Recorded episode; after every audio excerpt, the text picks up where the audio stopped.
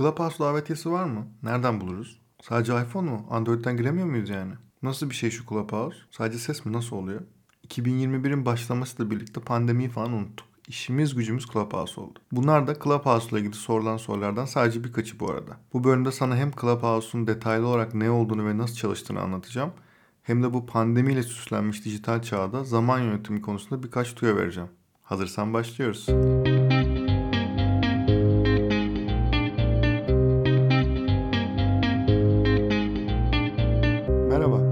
Hakan. Fikrin ne kadar önemli ve aslında ne kadar da önemsiz olduğunu konuşacağımız podcast serisi Bedava Fikre hoş geldiniz.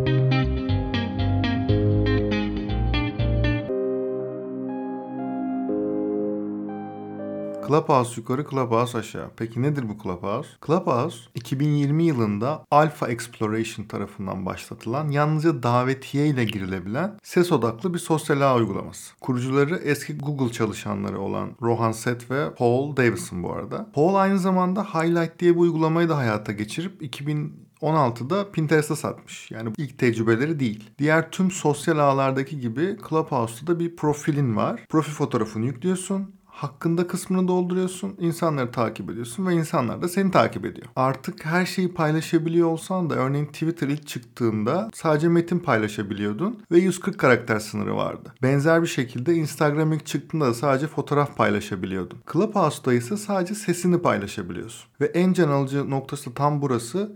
Bir podcast'tan farklı olarak canlı konuşmak zorundasın. Ses kaydı yükleyemiyorsun ve konuşulanları yasal olarak kayıt da edemiyorsun bu arada. 2000'lerin hemen öncesinde Mirch diye bir canlı chat platformu vardı. Belki hatırlıyor ya da biliyorsundur. Oradaki sanal odalarda sadece metin yazarak aslında insanlarla konuşurduk. Genelde rumuzlar üzerinden konuşulurdu ve gerçek isimlerle girilmezdi, girmezdik yani. Odaların moderatörleri olurdu ve istemediklerini veya işte koyduğu kurallara uygun davranmayanları odadan atarlardı. En çok insanın olduğu odaların isimleri de hatta İstanbul ve Zurna'ydı. Mirç örneğini neden verdim? Çünkü Clubhouse'da bu yapıya çok benziyor. Yine odalar var ama bu odalar biraz konferans ortamını andırıyor. Ama konferanstan farklı olarak 3 aşamalı bir yapısı var. İlk aşamayı şey gibi düşünebilirsin. Bir sahne var ve sahnede odayı oluşturanlar, moderatörler ve konuşmacılar var. İkinci aşamada sahnedekilerin uygulama üzerinde takip ettiği kullanıcılar görünüyor.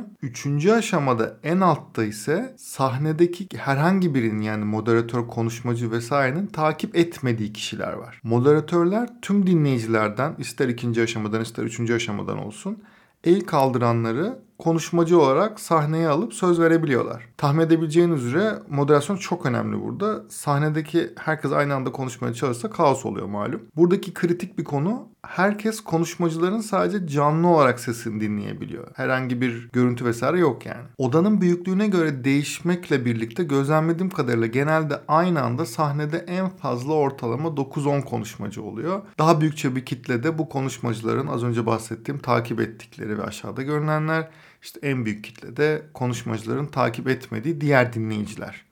Bu arada Clubhouse'da şimdilik bir odada aynı anda en fazla 5000 kişi olabiliyor ve dinleyebiliyor konuşanları. Şimdi logosuna, kullanıcı sayısına ve globaldeki ve Türkiye'deki durumuna bakarsak Clubhouse'un Türkiye'deki kullanıcı sayısıyla ilgili henüz elimizde bir bilgi yok ama benim tahminimce Türkiye'deki kullanıcı sayısı 100 bini geçmiştir. Dünya çapındaki sayılar da şu şekilde bu arada. Sadece Mayıs 2020'de 1500 kullanıcısı varmış. 2020'nin sonuna yani aralığa geldiğimizde 600 bin kullanıcıya çıkmış. 2021'in ilk ayında Ocak 2021'de 2 milyon kullanıcıya ulaşmış. Şubat 2021'de ise bu sayı 6 milyon. Benim tahminim Clubhouse'un birkaç ay içerisinde dünya çapında 50 milyon kullanıcı bandını geçeceği yönünde. Tabii bir yandan da bunu söylemek için çok erken. Birlikte yaşayıp göreceğiz. Peki neden bu kadar popüler oldu dersek?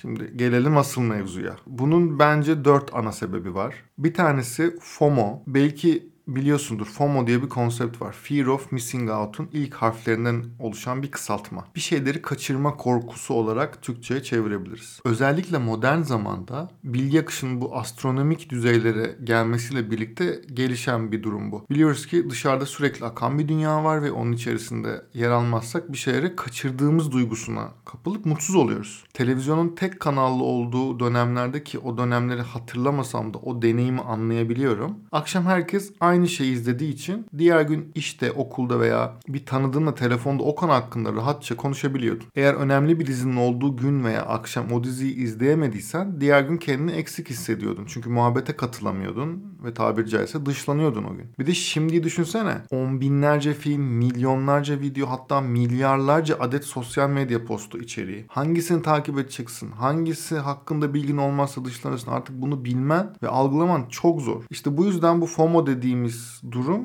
çok daha fazla hayatımızda artık. Peki bunun Clubhouse'la ne alakası var? FOMO'daki bu kıtlık bilinci Clubhouse'un ana yayılma politikalarından biri. O politikayı besliyor daha doğrusu. Sadece belirli bir kitlenin özel davetiye ile girebildiği bir kulüp. Türkiye'de ve dünyada benzer gerçek mekanlar vardı bu arada ama işte artık pandemiyle birlikte onlardan da söz etmek pek mümkün değil. Özel bir kodla girerdin o kulüplere işte veya bir tanıdığın olması gerekirdi. Öyle damsız girememekten falan da bahsetmiyorum bu arada. Clubhouse da tam bu mantıkla ilerliyor şu an. Birkaç maddede anlatmam gerekirse. Bir, Clubhouse'a sadece iPhone sahipleri girebiliyor. İki, iPhone sahibi olman da yetmiyor bir arkadaşın uygulamayı kullanıyor olması ve sana davetiye göndermesi gerekiyor. Eğer davetiyen yoksa bekleme sırasına giriyorsun ve eğer bir arkadaşın seni içeri almazsa tahmin edebileceğin gibi sıra sana gelmiyor. Berlin'deki bazı kulüpler gibi. 4. Arkadaşının seni davet edebilmesi için cep telefonu numaranın onda kayıtlı olması ve o numara ile Clubhouse'a kayıt olman gerekiyor. Yani mail adresi falan da yok. 5. Herkesin belirli sayıda davetiyesi oluyor yani davetiyen bitince bitiyor. Belli algoritmalar dahilinde Clubhouse sana ek daveti hakkı verebiliyor. Böylelikle daha fazla arkadaşını uygulamaya davet edebiliyorsun bu arada. Fark ettiysen burada bir kıtlık bilincinden söz ediyoruz. Yani uçaktaki business class'taki seyahat gibi aslında bu. Veya herhangi bir yerde VIP bir hizmet almak gibi. Sen bir tanesin, özelsin, en önemlisin. Uygulamanın sana verdiği duygu da bu. Neden popüler olduğuyla ilgili ikinci madde hedef kitle. Bizim pazarlamada kullandığımız önemli hedef kitlelerden biri early adapter'lardır. Yani erken, önce adapte olanlar veya ilk gelenler, deneyimleyenler olarak Türkçe'ye çevirebiliriz. Bu kitle belirli ürün ve hizmetleri ne olursa olsun ilk kullanmak isteyen kitledir. Para, emek, zaman gibi kavramların hiçbir önemi yoktur. Önemli olan ilk olmaktır ve ilk olduğunu etrafına veya ve veya kendine göstermektir. Örnek, ürün lansmanlarında Apple ürünleri için veya işte PlayStation gibi bazı teknolojik ürünler için uzun sıralar oluşturanları görmüşsündür. Diğer gün sıra beklemeden de alabilirsin. Yani neden bekliyorsun ki diyebilirsin bu kişilere ama Oradaki amaç hikayenin bir parçası olmak ve onu anlatmaktır aslında. Ürünü ilk çıktığı gün aldım demek gibi. Benim hayatımdan bir örnek mesela. İşte Kadıköy Kartal metrosu ilk açıldığı gün ne olursa olsun binmek istedim. Annem ve babamla birlikte ilk gün metroya bindik metrolara özel bir ilgim olduğu için vesaire değil ama Kadıköy benim doğup büyüdüğüm yer ve çok seviyorum bölge olarak. Hikaye anlatmayı da seviyorum ve dolayısıyla bunu yaparak şu an bile anlatabildiğim bir hikaye kazanmış oluyorum. Kadıköy metrosuna açıldı ilk gün binmek gibi. Herkes bir şeyin öyle adaptör olabilir. Her konuda böyle olmak zaten mümkün değil. Clubhouse özellikle teknoloji ve dijital dünyayı çok yakından takip eden öyle adaptör kitlesine hedef aldı öncelikli olarak. Silikon Vadisi teknoloji takipçileri, girişimciler, pazarlamacılar, işte bazı ünlüler ve internet fenomenleri mesela ilk girenler oldu. Bu durum Türkiye'de de değişmedi bu arada. Yani önce teknoloji yakından takip edenler, pazarlama ve reklam dünyasındakiler, onlarla birlikte de girişimciler, internet fenomenleri ve ünlüler girdi. Üçüncü madde can sıkıntısı ve yeni bir deneyim arayışı. Pandemi insanların en önemli ihtiyaçlarından biri olan sosyalleşmeye de çok önemli bir darbe vurdu malum. WhatsApp mesajlaşmaları, görüntülü konuşmalar falan yetmedi, yetmiyor. Dolayısıyla bu tarafta büyüyen bir sosyalleşme açlığı var tabiri caizse. İşte Clubhouse'un bence bir diğer önemli doldurduğu boşluk tam da burası pandemi sonrasında insanları tekrar heyecanlandıran ve farklı bir sosyalleşme aracı olarak önümüze gelen Clubhouse insanlara farklı bir deneyim yaşatıyor. Yeni her zaman iyidir. Değişim her zaman güzeldir. Seyahat ederek deneyim kazanmaya benzemese de elimizdekiyle yetinmenin anlamını 2021'de acıda olsa öğrendik diye düşünüyorum. 4. Logo ve kullanıcı odaklılığı abartmak. Bu son madde özellikle Türkiye'de pek kimsenin konuşmadığı bir nokta. Bu nedenle de biraz şaşkınım açıkçası. Clubhouse uygulamasının logosunda bir insan yüzü var. Gerçek bir insanın yüzü. Bu herhangi bir uygulamada pek görmediğimiz bir durum. O kişi de bir müzisyen. Adı da Bomani X. Peki neden Bomani'nin fotoğrafı var Clubhouse logosunda? Çünkü Clubhouse'un biraz farklı bir yönetim şekli var ve belirlediği bazı kriterler içerisinde yüksek etki gösteren kişileri uygulamanın yüzü yapabiliyor. Bomani'nin uygulamanın yüzü olmasının sebebi uygulamada oluşturduğu ve her çarşamba yayınladığı Cotton Club adlı bir program. Peki nedir bu Cotton Club? 1923 ve 1940 yılları arasında New York'ta faaliyet gösteren bir gece kulübüymüş burası. Ben de araştırınca öğrendim. Özelliği ise Duke Ellington ve Louis Armstrong gibi dönemin çok önemli siyahi sanatçılarına ev sahipliği yapmış olması. Eğer daha fazla detaya ulaşmak istersen Wikipedia'da mevcut bu arada. Bomani'den önceki Clubhouse yüzü ise Esprit Devora'ymış. O dönem ben de henüz Clubhouse'da değildim. Esprit Esprit Devora'da The Girl Who Gets It Done yani iş bitirici kız gibi Türkçe'ye çevirebileceğimiz bir podcast'in yayıncısı bu arada. Clubhouse bu durumu bir motivasyon olarak kullanacak mı? Yani işte Google'ın özel günlerde ülkelere özel yaptığı farklı doodle yani grafikler var ya mesela onları ürettiği gibi Clubhouse'da bu tarz insanları kullanacak mı? Bunu göreceğiz.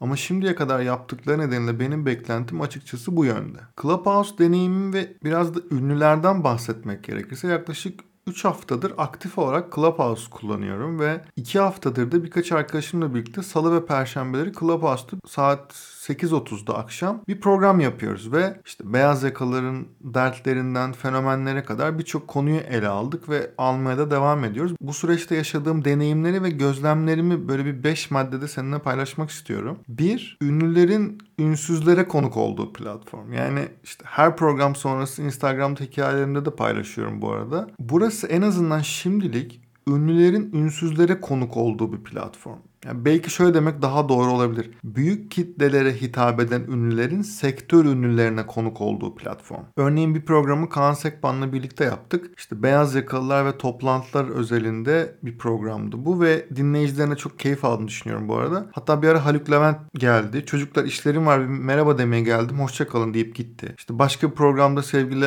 Arda Türkmen katıldı ve mutfaktaki hiyerarşi ile kurumsal dünyadaki hiyerarşi kıyaslama fırsatı bulduk orada. Yani normalde bu organizasyon organizasyonları yapmak için büyük emek, enerji ve bütçe gerekebilirken yani hem dinleyici tarafı için hem de organizatör tarafından bahsediyorum bu arada. Burada tamamen spontan bir şekilde çok güzel programları organize edebiliyoruz veya dinleyici olarak da katılabiliyoruz. İki, moderasyon her şey. Özellikle moderasyon tarafında olunca bunu daha iyi anladım. Yani sonuçta her söz verdiğimiz insanı tanımıyoruz ve bazen çok sıkıcı bir hikaye veya sıkıcı olmasa bile insanların ilgisini azaltabilecek bir üslupta anlatanlar mutlaka oluyor. Buralarda nasıl dinleyicilerin dikkatini yüksek seviyede tutacağımız başlı başına bir konu oluyor. Gerçek bir konferans ve moderasyon deneyiminden hiçbir farkı olmadığını söyleyebilirim. Yani kime söz vereceğinden, kimin sözünü ne zaman keseceğine, kesmen gerektiğine kadar birçok farklı konuda tecrübe kazanıyoruz bir yandan da, kazanabiliyoruz. 3. Samimi değilsen elenirsin. Benim podcast'a başlama sebebim de buydu. Sesin samimiyetine çok inanıyorum ve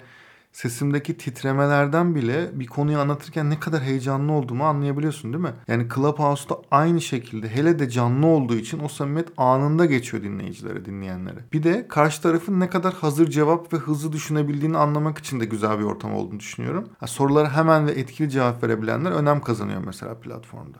4 en başta herkes her şeyi söylüyordu. Artık herkes daha kontrollü. Özellikle ilk hafta görmen lazımdı. Zaten çok fazla kişi de yok diye. Herkes odalarda dedikodu yapıp birbirini gömüyordu. Hatta yüzlerce kişinin dinlediği odalarda bile marka ve yöneticileri gömenler oldu. Bizim odalarda da oldu. Ama artık daha büyük bir kitle uygulamayı kullandığı için eskisi gibi değil insanlar. Tabiri caizse daha kontrollü gömüyorlar artık veya gömüyoruz diyeyim. 5. Süreklilik çok önemli. Yani içerik üretiminde sürekliliğin önemini burada da gördük Her program biraz daha fazla dinleyici geliyor. Artık her program ortalama 250-400 kişi bandında bir dinleyicimiz var örneğin. İnsanlar sağ olsunlar değer verip gelip dinliyorlar. Biz de onlara nasıl daha faydalı olabiliriz diye her program öncesi moderasyon ekibi olarak oturup çalışıyoruz bu arada. Yani karşılıklı bu samimiyet geçiyor sanırım. O yüzden de ben tekrar söylüyorum yani sesin gücüne çok inanıyorum. Peki Clubhouse nereye gider? Nereye neye evrilir? Clubhouse'da ne yapalım dersek. Yani her şey iyi güzel. Bundan sonra ne olacak?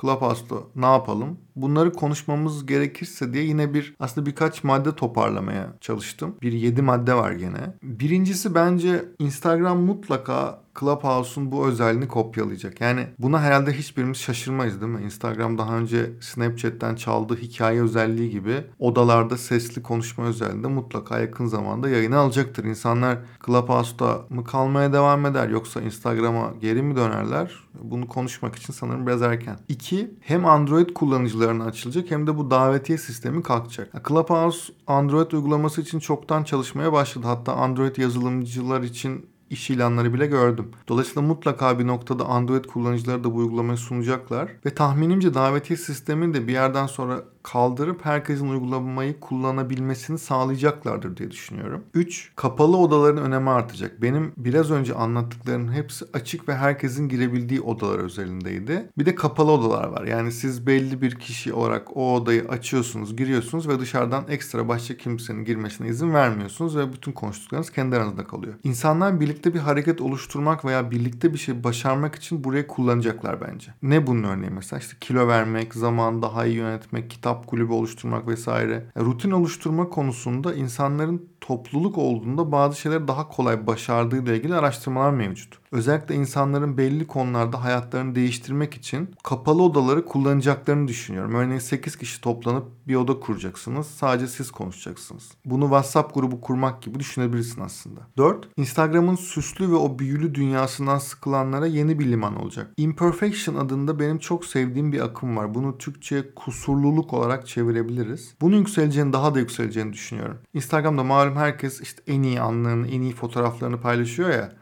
Clubhouse'da görüntü olmasa bile sesin tüm çıplaklığıyla ortada ya. Eğleyemezsin, ığlayamazsın, yalan söyleyemezsin. Tüm kusurlarımızla Clubhouse'dayız yani. 5. Markalar ne yapacak? Türkiye'de ilk sponsorlu içeriği, Clubhouse'daki ilk sponsorlu içeriği Lipton'la Bartu ve Melikşah gerçekleştirdi. Bundan sonra da benzerlerini mutlaka göreceğiz. Yani bir kişi olarak markanın yer alması şimdilik mümkün değil. Zaten mümkün olsa bile markanın sesi kim olacak gibi tartışmalara yol açar bu. Bir de uygulamanın doğasına da aykırı. Yani grup ve sayfa sistemiyle markaların entegre olduğunu görebiliriz, göreceğiz muhtemelen. Veya işte Lipton'un yaptığı gibi sunar sundu konseptleriyle ilerlenebilir bir süre. Tabi burada fikirlerim var ama burada anlatıp fırsatları da kaçırmış olmak istemem. Burası bedava olmayan fikir tarafı. 6 Clubhouse'un gelir modeli. Bununla ilgili birçok söylenti var ve kurucular üzerinde de büyük bir baskı var. Açıkçası şu aşamada en doğru gelir modeli nedir diye söylemek çok kolay değil.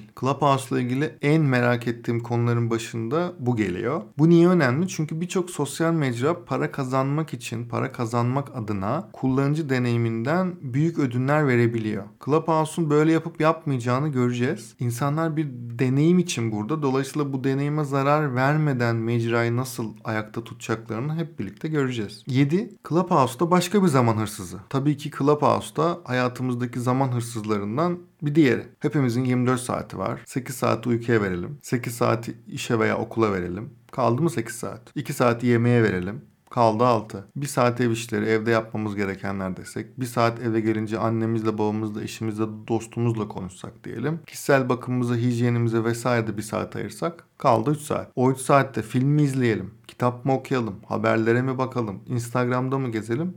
Clubhouse'da odalarda mı gezelim? Programlarımızdan biri kaç saat sürdü biliyor musun? 4 saat. Aralıksız 4 saat program yaptık. İnsanlar da sağ olsunlar bizimle birlikte dinledi bu arada. Dolayısıyla bu beni başka bir şey düşünmeye itti tekrar. Zaman yönetimine. Evet gündemle ilgili bir bölüm oldu bu bu sefer ama yine de cebine ek bir şeyler koymadan gitmeni istemem. Bu yüzden son olarak benim zamanımı yönetmek için kullandığım 3 maddeyi anlatacağım sana. Bu konuda da çok fazla kitap okudum, seminer izledim, eğitimlere katıldım pandemi öncesinde. Benim en işime yarayan bu 3 tanesi oldu. Bu arada internette tabii ki bu konuda bolca kaynak var. Meraklıysan onları da araştırmanı öneririm. Bir kavanoz deneyi. Bir profesör bir gün sınıfta öğrencilerle bir deney yapıyor. Büyükçe bir kavanoz alıyor. Yanda da büyük taşlar, orta büyüklükte taşlar ve biraz da kum var. Öğrencilere de göstererek kavanoza kumu koyuyor. Kavanoz neredeyse yarıya kadar doluyor. Sonra orta büyüklükteki taşları koyuyor ve öğrencilerine soruyor. Sizce büyük taşlar bu kavanozu sığar mı?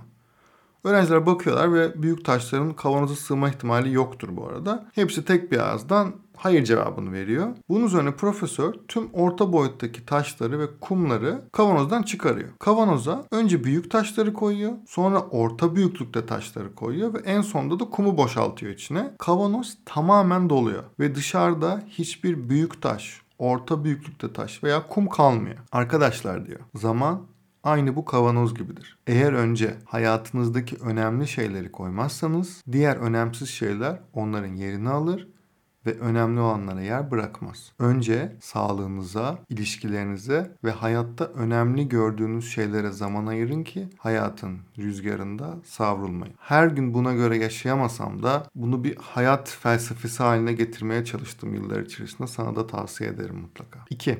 Önceliklendirmek mi?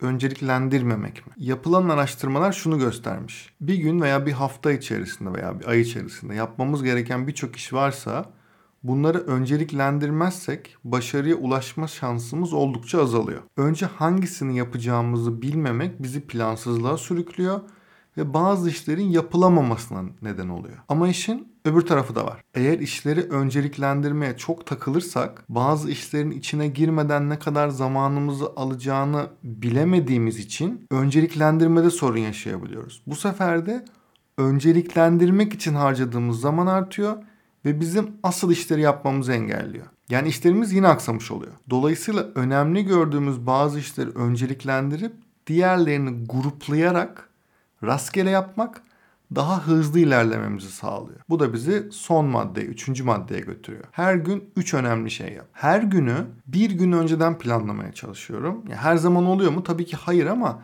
denemeye başladıktan kısa bir süre sonra ciddi bir disiplin kazanmış oluyorsun. Bir önceki gün diğer gün için, bir sonraki gün için önemli 3 iş belirliyorum ve mutlaka bunları bitirmeye çalışıyorum. Bu bir sunumu tamamlamak olabilir, işte bedava fikrin bir bölümü için çalışmak veya kaydetmek olabilir veya market alışverişi yapmak olabilir. Fark etmez. O günün öncelikleri arasında bu 3 işe odaklanıyorum. Bunların yanında küçük ve diğer işleri ikinci plana atıyorum. Onlardan da mutlaka yaptıklarım oluyor ama yapamazsam da hem strese girmemiş oluyorum hem de kendimi başarısız hissetmiyorum. Bunu da tavsiye ederim. Hatta bunu en fazla 3 önemli şey diye revize etmiştim bir dönem. Çünkü 3'ten fazla önemli olduğunu düşündüğün şeyi yapmaya çalışmak hiçbirini yapmamana da neden olabiliyor. En iyisi 1 ile başlamak. Sonra 3'e çıkarabilirsin ama tavsiyem 3'ün üzerine çıkmaman. Bu bölümün de sonuna geldik. Beni ve Bedava Fikri sosyal medya hesaplarımız üzerinden de takip etmeyi unutma. Ayrıca her bölümde söylediğim gibi bu podcast'i bir arkadaşınla daha paylaşırsan daha büyük bir topluluk haline geliriz ve bu da benim daha farklı içerikler de üretebilmemi sağlar.